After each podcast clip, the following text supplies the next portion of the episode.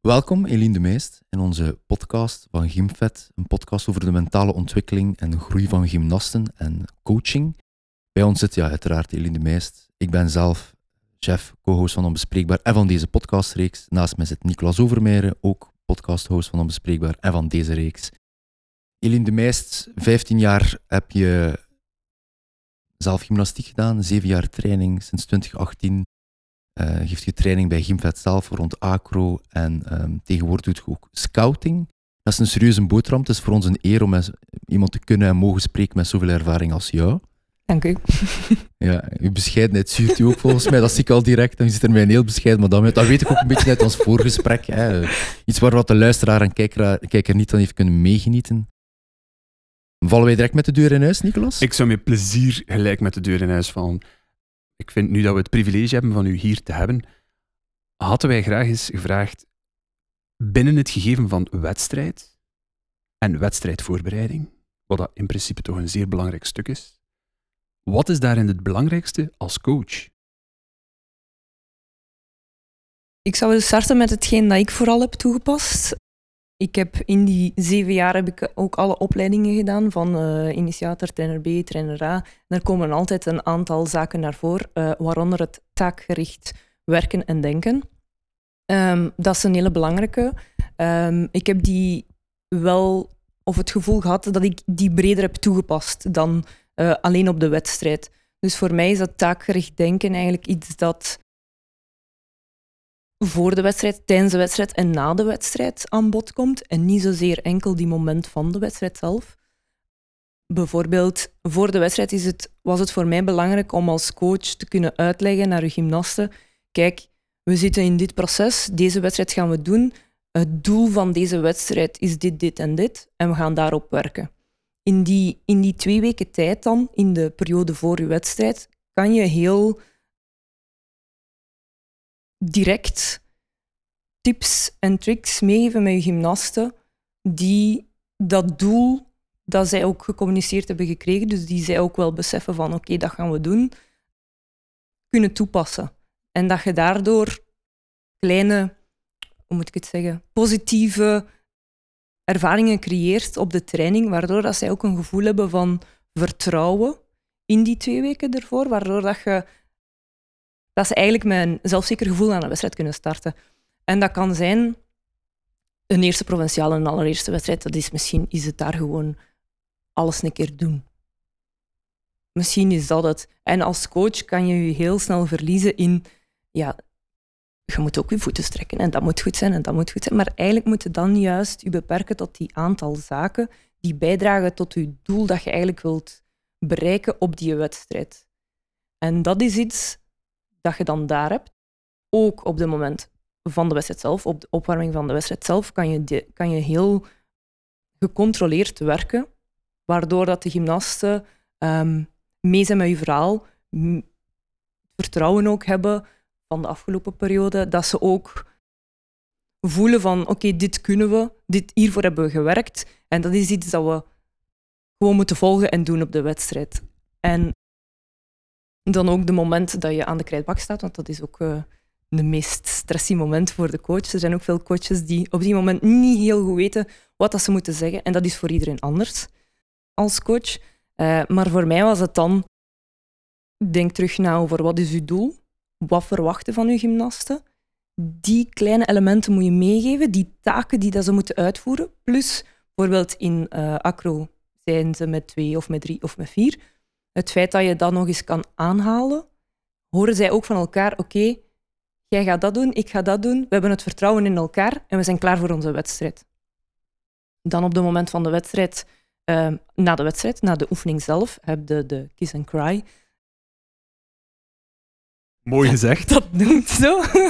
um, ja, dat is, dat is dus het moment dat je eigenlijk na je oefening daar gaat inzitten en dan wacht je tot als je score krijgt dan is het de moment als trainer om, of in mijn idee daarover, om juist uw doelen dat je hebt aangehaald die afgelopen periode, om die aan te halen, om te kunnen duiden of dat een wedstrijd eigenlijk gelukt is of niet gelukt is. Los van welke score dat ze daarvan krijgen. Los van of dat er dan bijvoorbeeld wel nog iets uh, mislukt is. Stel bijvoorbeeld, het doel was, we gaan een nieuw deel doen. Dat is iets wat ik met mijn gymnasten heb gedaan. We gaan een deel doen, nog nooit had iemand dat gedaan. Dat was een hele spannende. Wij hebben die wedstrijd gedaan, ze hebben dat deel gelukt, maar het tweede deel hebben ze mislukt. ja, op zich was de wedstrijd geslaagd. Maar de score toont dat niet.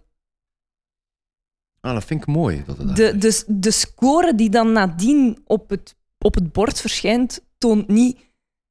Dit was een goede wedstrijd.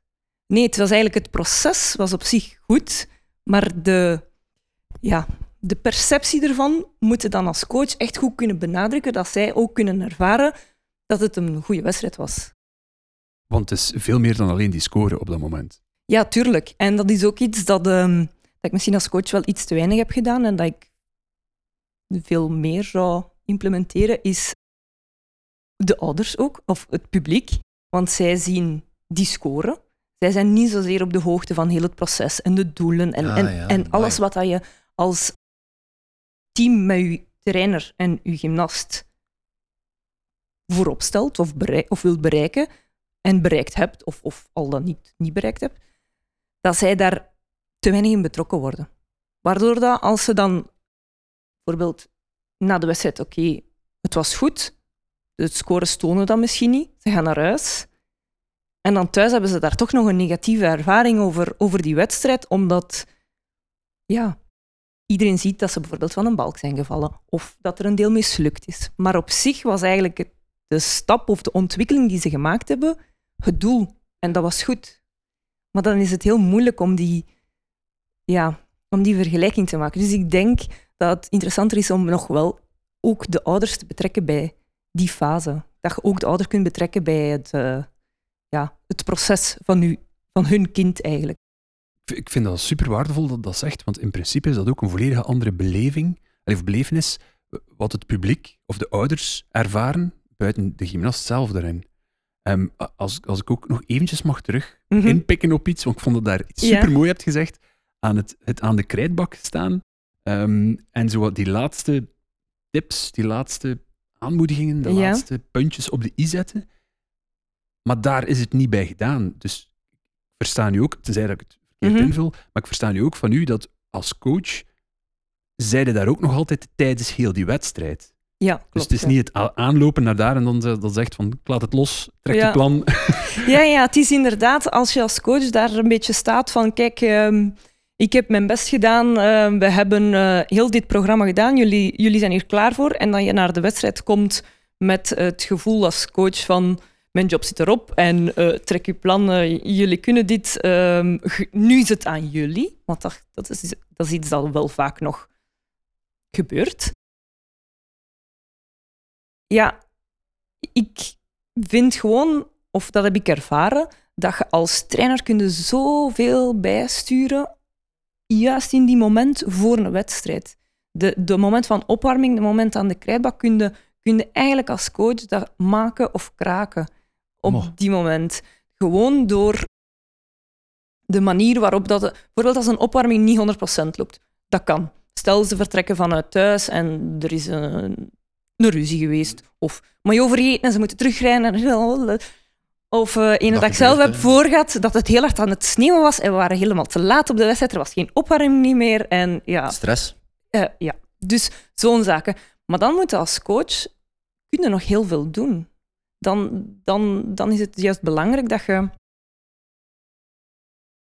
de kleine problemen die ze op die moment hebben, dat zijn misschien externe problemen, want niet zozeer over het programma of de setting of de, ehm, ja, de evolutie dat je als eh, trainer met je gymnast hebt doorgemaakt. Dat is, dat is iets extern, je kunt daar niet zoveel aan doen vaak. Dat ze daar het gevoel hebben van mijn trainer hoort mij, weet dat dat mijn probleem is. Je kunt daar twee woorden over zeggen. Misschien is dat iets dat we dan zeggen, oké, we gaan dat proberen later op te lossen, daar hangt er wat van af. Maar dat ze het gevoel hebben dat ze gehoord worden en dat ze onderdeel uitmaken van het team. En dat het niet coach en gymnasten zijn, maar dat het één geheel is. Dat je als trainer ook kunt bijdragen daaraan. Dus je kunt ze een stap hoger helpen. Maar je kunt ook door juist niks te doen En dat gerustgesteld worden, veronderstel ik. Dat vind ik wel een goeie daarin. Ja, ja, het is...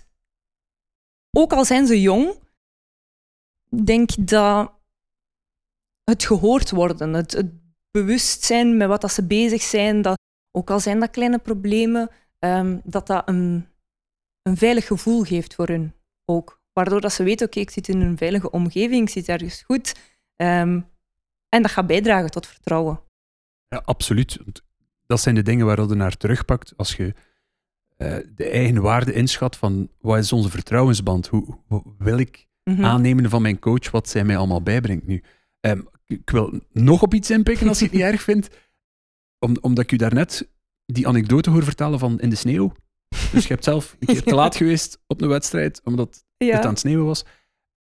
Eigenlijk is dat ook nog een, een belangrijk aspect, denk ik dan, dat je als coach ook rekening moet mee houden om over te brengen naar je gymnasten, dat er sommige factoren zijn Die- waar ze geen controle over hebben. Ja, Juist. klopt.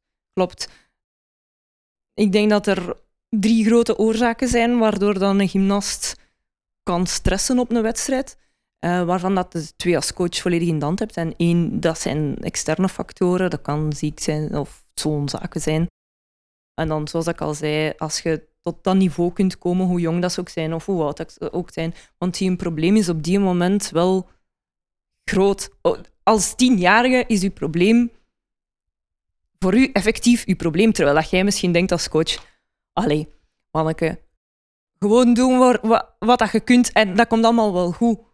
Ja, die luisteren daarin naar. Die, die, gaan, die nemen dat niet op en die blijven gewoon met hun eigen probleem verder zitten. De andere zaken, zoals ehm, bijvoorbeeld de het eerste punt voor mij, dat ze echt last van kunnen hebben van stress, is eh, wanneer in die periode voor de wedstrijd dat de trainingen niet stabiel zijn, dat ze niet het gevoel hebben dat ze eh, iets beheersen. Dus dat je eigenlijk als trainer moet meer nadenken over je programma. Beheersen ze dat? Kunnen ze zich daar vertrouwd bij voelen? Voelen ze zich daar goed bij? Ook luisteren naar de gymnast daarin, want misschien is uw beeld als coach wel anders dan het beeld van de gymnast. Dat is iets dat wel in overleg kan en moet gebeuren, zelfs al zijn ze jong. Misschien is het dan wel eerder eh, de keuze. Gaan we het zo of zo doen? Of zie jij het eerder zo of zo? Terwijl dat ze veel ouder zijn, want de, de oudste gymnast dat ik heb gehad was 28 jaar. Ja, die, moet die spreken zelf. Die, maar je moet wel dat klimaat creëren vanaf jonge leeftijd, dat dat allemaal bespreekbaar is. Dat dat mogelijk is. Dus dat is eigenlijk nog het eerste puntje, uw programma als coach. En dan nog een tweede is de setting.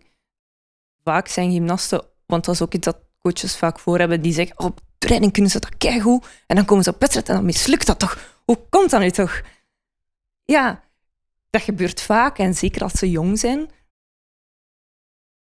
Of ouder ook zelf. maar het is iets dat je als coach wel op kunt voorbereiden. Want ik denk dat dat nog te weinig wordt gedaan. Zeker als ze jong zijn, zo'n keer een, een routine van hoe een wedstrijddag eruit ziet. Iets doen, gewoon. Concreet de wedstrijd proberen te... Ja, bijvoorbeeld een keer... Ze starten met een balansoefening, dan moeten ze een tempooefening doen en daarna moeten ze een combined oefening doen. Daartussen moeten ze hun haar doen. Ze moeten een ander maillot aan doen. Ze moeten andere schmink aan doen.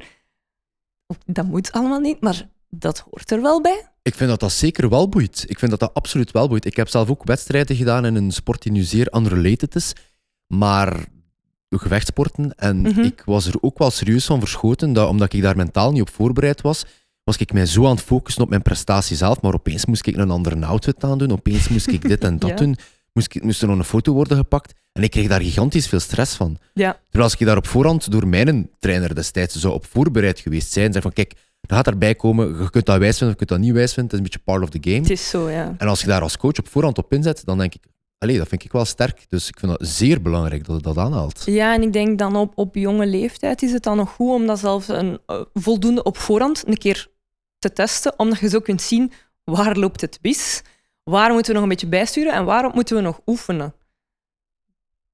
Dat je daar de tijd ook voor hebt. Je moet dat niet twee dagen voor de wedstrijd gaan doen en dan ah, de dag ervoor, eh, dat ging niet goed, dat ging niet ja, we zullen wel zien hoe dat is op de wedstrijd.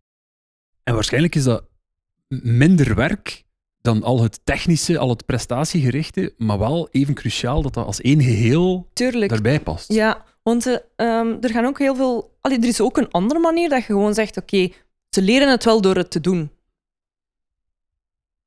Dat is, dat kan, maar ik sta daar. Allee, ik denk dat je daar als coach veel meer kunt in, in bijsturen, omdat je heel al op een snelle, efficiënte, vlotte manier tot succeservaringen kunt brengen. In plaats van trial and error.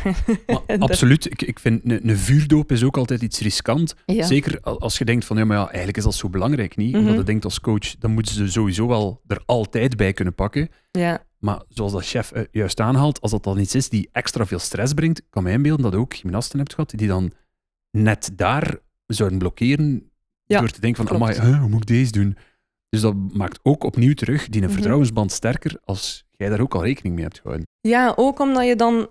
Je kunt dan evalueren als je die een testmoment hebt gedaan. Dat kan, dat kan een keer zijn dat je op training een, een, een jury laat komen. Dat kan een keer zijn...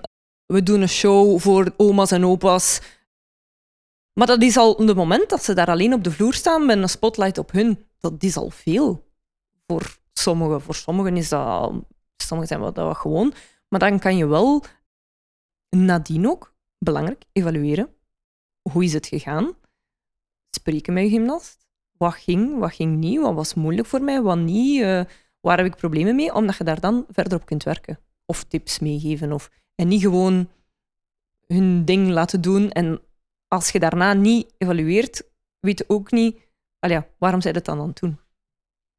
Snap je wat ik... eh, Je bent serieus mijn, mijn, eh, mijn brein aan het doen kraken, want dat zijn een paar dingen die ik zelf niet per se bij stilgestaan had, terwijl ik zelf ook gymnastiek gedaan heb in mijn jongere jaren.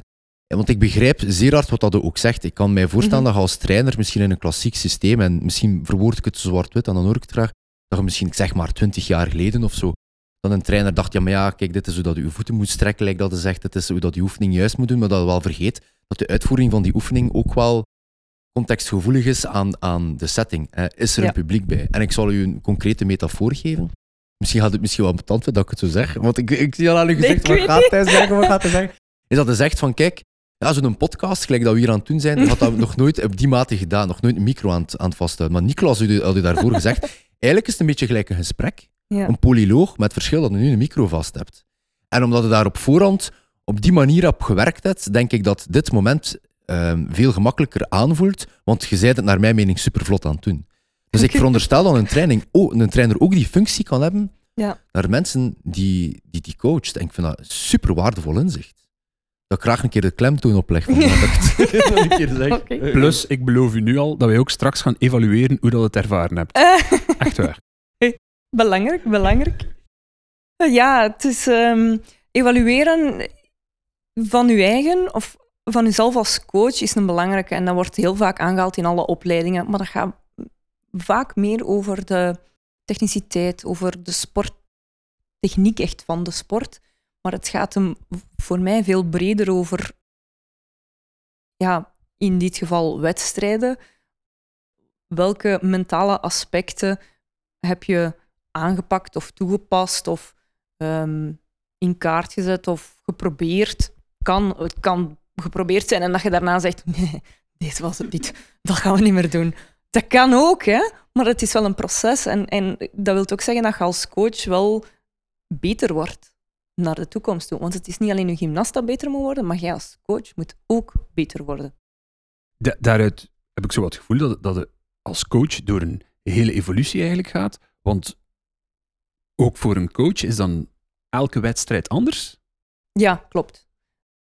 In mijn geval, ik heb altijd naast de headcoach gestaan. Ik heb die enorm veel in het oog gehouden. Stelen met de ogen. ja, maar ja. Smart. Vooral ook, ik ben heel veel met hem in dialoog gegaan. Waarom hij bepaalde zaken deed. En zijn intentie, waarom dat hij bepaalde op die manier zoiets deed. Of, dat pakte ik mee, maar ik gaf daar wel mijn eigen draai aan. Ik deed het op mijn eigen manier, hoe dat het voor mij comfortabel was. Want het is niet dat er een, eh, een handboek is met eh, regels van zo, zo, zo en zo moet het. Het is hoe dat je zelf als coach daarmee omgaat en mee kunt verder gaan om bij te leren en zo ook je gymnasten te kunnen ja, tot het hoogste niveau brengen dat je wilt. Ik vind dat zeer boeiend wat je daar zegt, Helene. Ik, als ik u hoor spreken over een verschil dan tussen en groeien als coach, dat wil Mhm. ook zeggen dat je waarschijnlijk binnen je hoofd een bepaalde perceptie hebt van wat een beginnend coach is en een ervaren coach is. Ja. Denkt je dat je daar een keer een toelichting kunt aan geven? Wat is het verschil Ja. tussen een beginnen en beginnend Ik zal zeggen, coach? toen ik begon als coach was het heel moeilijk om wedstrijden te, te plaatsen. Je bent een beginnend coach, je wilt je, je, wilt, je bent aanwezig op de wedstrijd en je wilt tonen, ik ben een goede coach. Maar dat hangt niet af van de prestatie van je gymnast. Het gaat, het gaat hem niet over, als zij goed presteren, ben ik een goede coach. Nee, het gaat erover, kan je gymnasten van een bepaald niveau tot een hoger niveau brengen. Dat is eigenlijk de meerwaarde van een, van een coach. Sterk. Maar ja, dat had ik in het begin niet zo goed mee, ik zal het zo zeggen. Ik was, daar, ik was heel hard gefocust op ik moet zien dat ik mij hier bewijs als coach en ik moet dat goed doen en de gymnasten moeten dat goed doen. En, en dan legt je heel veel druk op. Maar dan is het ook heel moeilijk om op een bepaald moment te zeggen, in die twee weken bijvoorbeeld voor een wedstrijd, en je ziet, nee, het gaat niet lukken, om dan toe te geven, we gaan een stapje terugzetten, omdat dit een beter programma is voor de gymnasten. Maar je kiest eigenlijk op die moment voor jezelf. Je zegt, we gaan toch proberen, we gaan wat doorpushen, zonder er misschien bij na te denken wat dat de gevolgen kunnen zijn. En alle coaches die hier naar luisteren, of alle coaches in SP, Ja. welk pad kunnen zij bewandelen om ook van u te kunnen of te mogen bijleren om een betere coach te worden? Ik zou vooral zeggen, ehm, leer luisteren naar gymnasten. En zorg ook dat je voor jezelf een soort van proces hebt, of ontwikkeling, of pad dat je wilt bewandelen. En niet direct daar van boven beginnen en hopla. Je moet leren. En dat, dat, is, dat is een belangrijke, dat je daar ook de tijd voor neemt. En je kunt dat ook wel toegeven naar de buitenwereld. Het is niet ik ben hier nu een nieuwe coach en ik moet het hier allemaal gaan doen. Dat, dat gebeurt niet. Ik heb daar misschien dan een beetje een rare vraag op, omdat Ja. ik, ehm, ik geloof dat zo binnen sport is Mhm. eh, het competitieve zeer belangrijk, Ja. maar vergelijken kan soms een beetje gevaarlijk zijn. Dan spreek ik puur over, over gymnasten of atleten Mhm. of eender welke sport dat doet. Maar dan vraag ik me af, is dat iets die even gevaarlijk is voor een coach, van zich te vergelijken met andere coaches? Ja, zeker. Zeker. Dat is, ehm, dat is wat ik heb verkeerd gedaan. Eerlijk. Eerlijk, voilà, kwetsbaarheid, alsjeblieft. En be besefte dat dan zelf op een moment, of is dat iets waar... Ja, maar veel te laat. Ik besef dat nu. ik had het veel vroeger moeten beseffen, omdat het mij veel ehm, stress en energieverlies heeft bezorgd. Waardoor dat ik geen ruimte had om te ontwikkelen als coach. Dus dat was eigenlijk een, een, een, een, eh, roadblock die u zelf oplegde van... Ja. eh, ah, maar die doet dat zo, die doet dat zo. En dan... Maar het uw Ja. werkte dus. Ja. Maar ja, op die moment ben ik dan wel beginnen, zoals ik zei, stond naast de headcoach, dus ik kon op die moment wel beginnen nadenken over, oh, luister, wat deed hij, Eh, hoe deed hij dat, waarom deed hij dat. En het is eigenlijk maar pas toen dat die gesprekken, want daarvoor had ik ook zoiets van, oh, ik mag hier in topsport training komen geven, ik moet mij ook wel bewijzen als coach. Tot als ik eigenlijk die stap had gemaakt van, ik moet ook leren dat dat vlotter en vlotter en vlotter begon te gaan. Maar dan moest ik natuurlijk wel heel dat proces nog altijd doorlopen, elke wedstrijd, om dan uiteindelijk, ja, nu, ehm, de laatste wedstrijd was eh, fantastisch. ja. En dat is dan niet alleen op prestatievlak, maar ehm, misschien, ik weet niet of ik dat eigenlijk mag vertellen van haar, maar ik ga het toch doen. Een van mijn gymnasten had de avond voor de wedstrijd een kaartje onder mijn deur geschoven. 17 jaar, dus. eh, en daarop stond, ehm, dank u wel dat jij mij zo ver hebt gebracht als, trainer, als trainster en dat ik dit verhaal met jou mag beleven. Die twee dingen hebben wel ervoor gezorgd dat ik dacht, dat was het. Daarvoor, of daar moet je naartoe werken. Maar we waren wel Dat tegen. is onbetaalbaar ook, hè? Ja, dat is waar. Dat kaartje staat nog altijd op onze Want ik denk dat die keukentafel. Natuurlijk, want die anekdote en dat kaartje ga je volgens mij binnen 20 jaar ook meer bijblijven dan het cijfer dat op het bord verscheen. Ja, tuurlijk. Maar ik En weet voor- het nu al niet meer.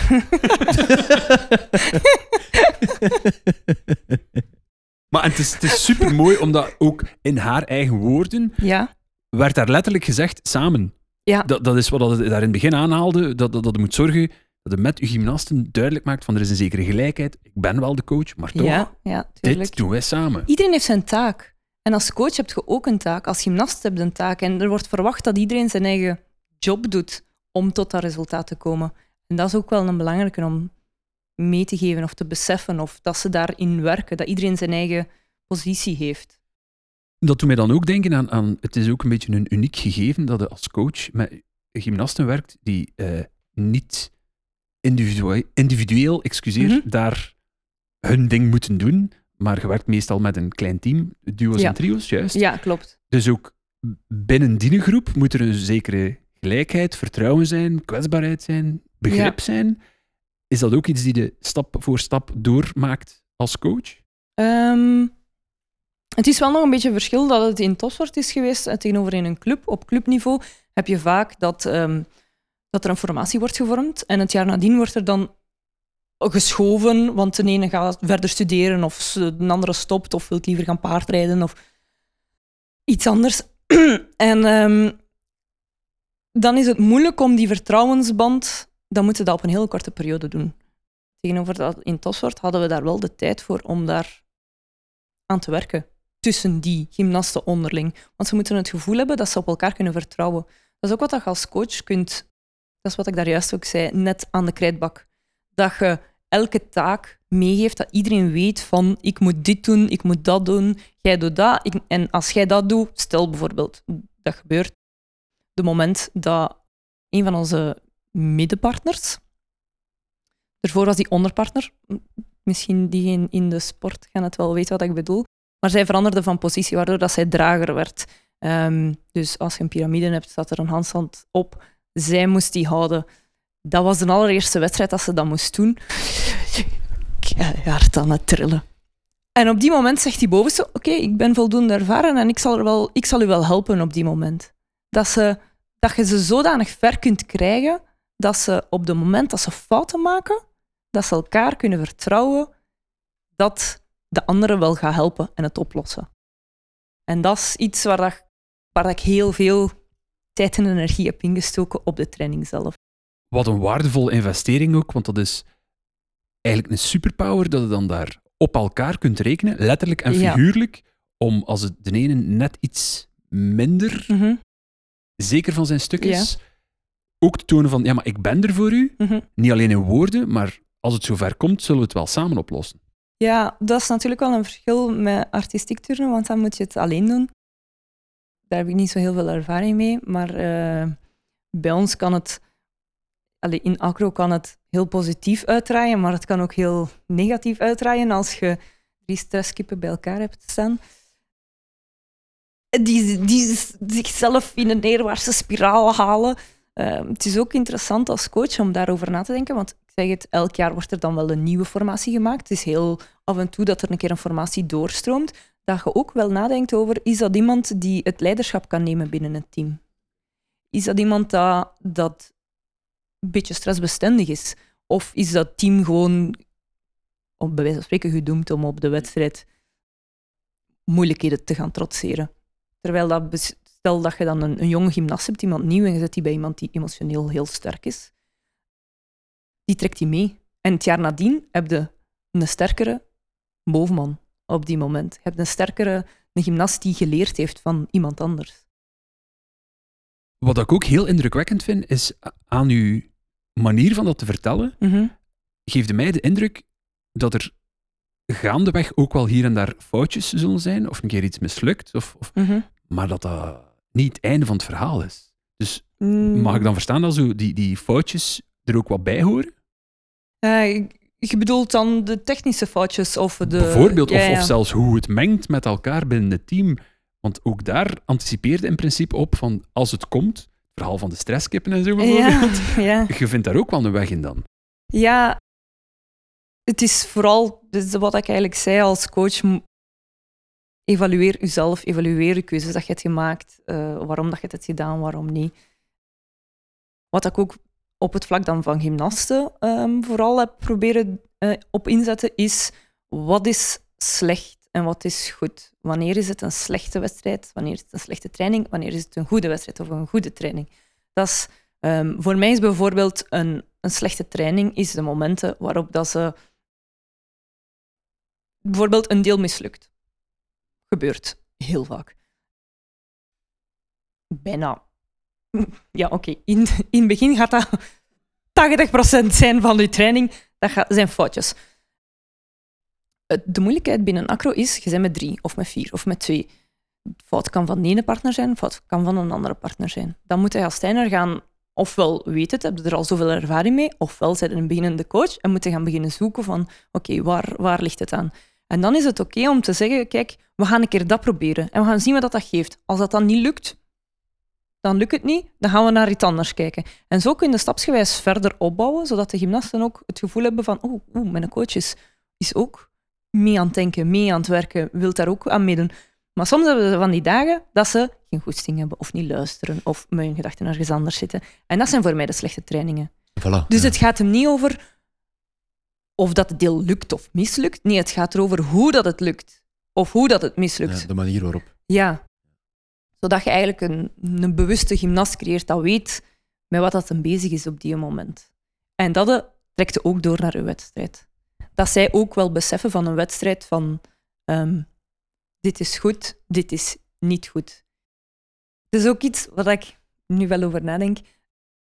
Een foutje dat ik zelf heb gemaakt. Ik kon op de training nogal heel snel op inpikken. Stel dat er iets technisch verkeerd gaat, dan kan ik eh, daar benen hoger en dan lukt dat element. En dan gaan ze naar de wedstrijd en dan mislukt dat toch. En dan staat het daar ook, ja, potverdorie, hoe kan dat nou? Ik had dat nog zo gezegd. Gebabbeld met de, met de drie gymnasten. En dan kwamen we eigenlijk tot de conclusie dat ze niet zo lang hun konden concentreren tijdens de oefening, zonder dat ik daar een woord tussen plaats.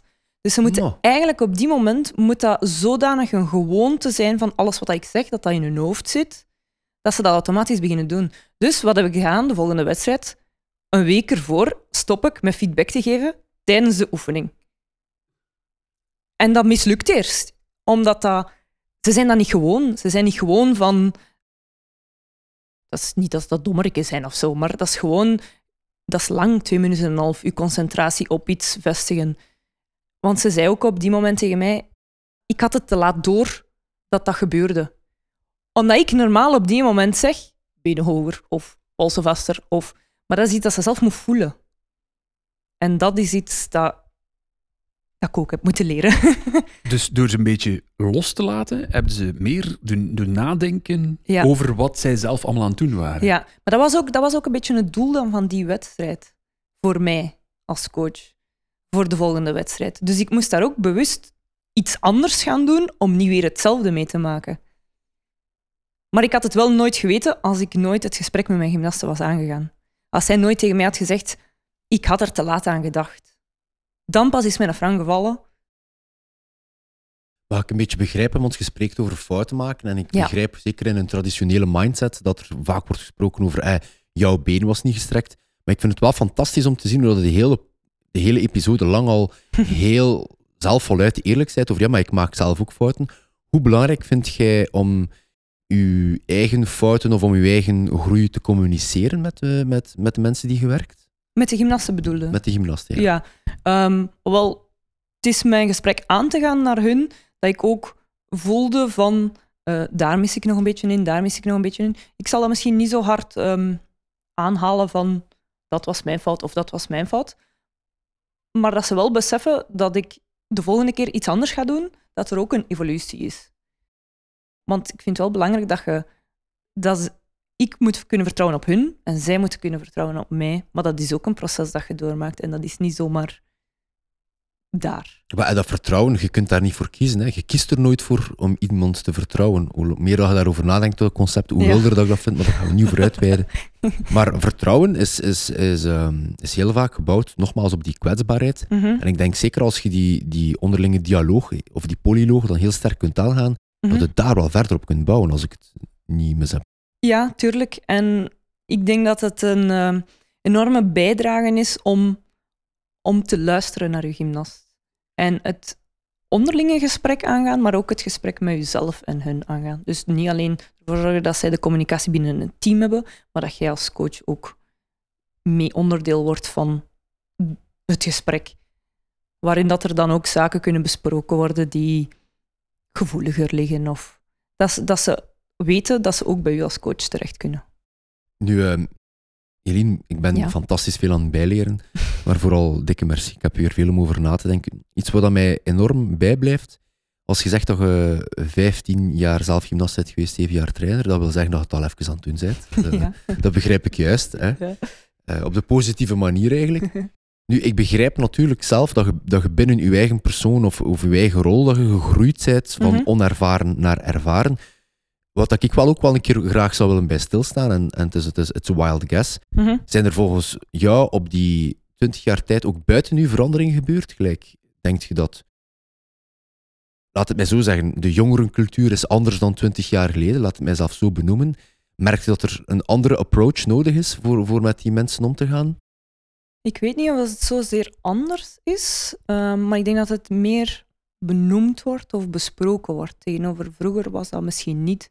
En ik denk dat... eh, ik durf er me niet over uitspreken. Ik weet alleen maar wat ik nu heb meegemaakt als coach. Maar ik denk dat de coaches vroeger ehm, minder de nadruk op het mentale misschien naar voren hebben gehaald. Of, of eh, betrokken in het proces van, eh, van de gymnast.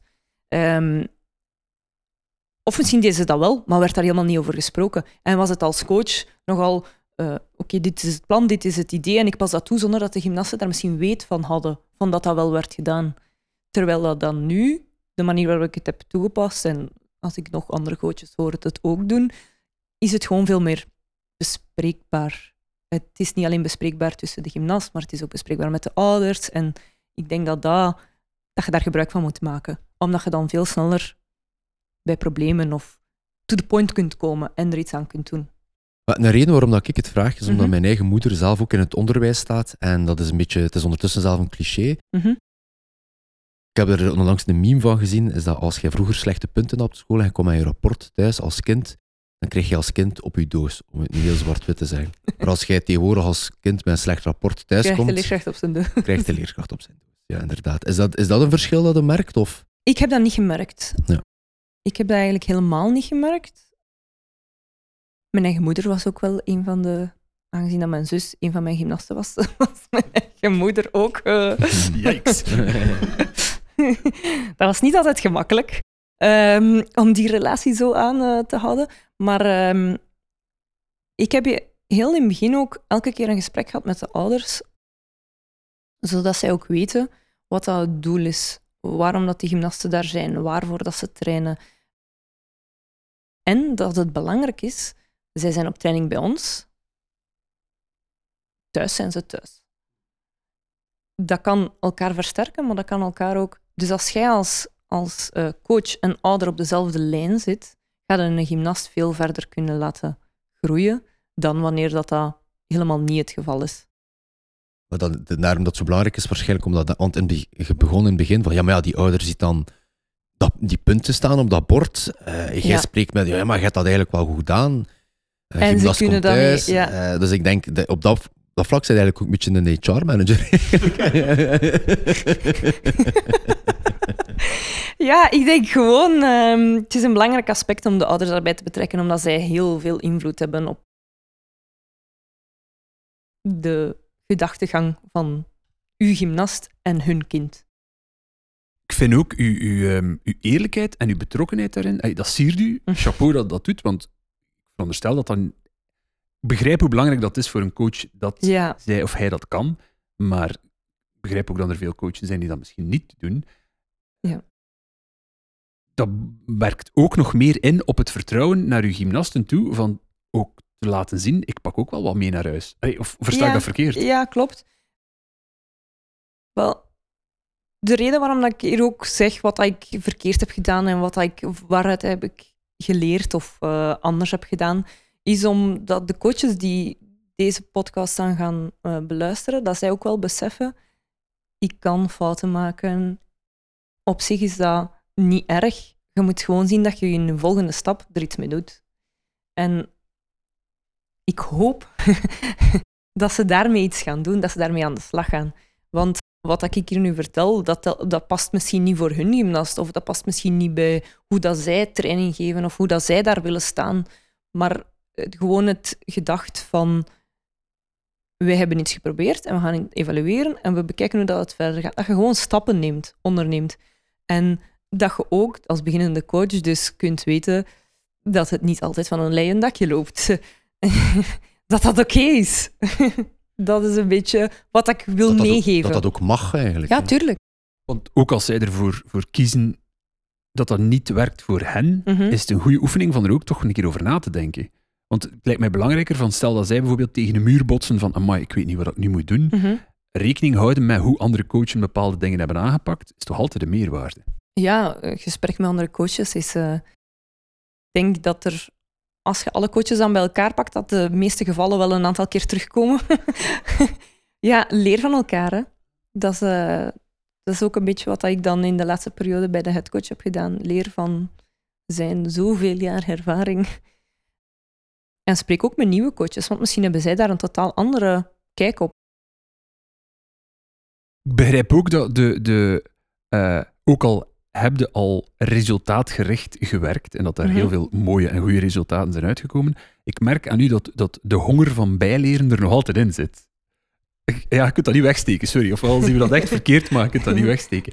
En ik vind dat enorm motiverend naar bijvoorbeeld beginnende coaches Mhm. of mensen die echt denken van zou ik dit avontuur wel tegemoet gaan, Ja. dat dat toont dat dat iets is waar dat je eigenlijk heel je carrière voor u, u engageert. Het, het leerproces, de evolutie daarvan, Ja, klopt. dat is eh. waar ik zo'n beetje er, op een andere manier nu over nadenk, door met u daarover gesproken Ja, als coach steekt daar ook evenveel tijd, of zelfs meer tijd in, als dat de gymnasten daarin steken. En energie en alles dat erbij komt kijken. Alle gesprekken met de ouders, alle organisaties, alle... Je steekt daar zoveel tijd in. En als je je dan gefrustreerd voelt omdat het niet gaat zoals dat het in je hoofd zit, dan is dat heel jammer, want dan gaat je niet verder kunnen groeien als coach. Ik, ehm, ik word er wel stil van, omdat, omdat, eh, omdat er een insteek is gekomen waar ik niet op het gerekend. Dus ik denk dat dat voor de mensen die luisteren, zeker de andere coaches, dat er veel waarde is. Onze, we zijn dan ook al voorbij gevlogen aan deze podcast. Dat, eh, dat is altijd wel verschietende, ook, eh, ook ikzelf. Is er als afsluiter één gouden tip die je hebt voor eh, de coaches van morgen? Ehm, ik denk, luister naar je gymnasten. Dat is ene. Eh, Kom tot hun niveau, luister wat dat er bij hun aan de hand is, want daarmee kun je werken. Dat is iets waarmee dat je kunt. En dat kan op elk vlak zijn. Dat kan misschien iets zijn dat thuis is, dat kan misschien zijn op sporttechnisch vlak, dat ze zegt, ik voel het element niet. Kan zijn. Kun je daarop werken en je gaat alleen maar progressie hebben eh, kan zijn op het vlak van eh, wedstrijdstress. Dat je daar misschien een bepaalde tips en tricks kunt meegeven. Misschien zelfs aan de ouders, dat zij ook iets kunnen toepassen. Dat denk ik dat het belangrijkste is. Omdat je, als je weet wat er speelt bij hun, je eigen ook kunt gaan verbeteren als coach. Vind ik een super werkbare tip. Dank u wel om hier aanwezig te zijn vandaag, Eline. Merci om Ja, deel te maken van deze. Gymfit. Ja, superleuk. En we gaan zo dadelijk een keer evalueren, maar je hebt dat eigenlijk al vrij goed gedaan. dat is goed.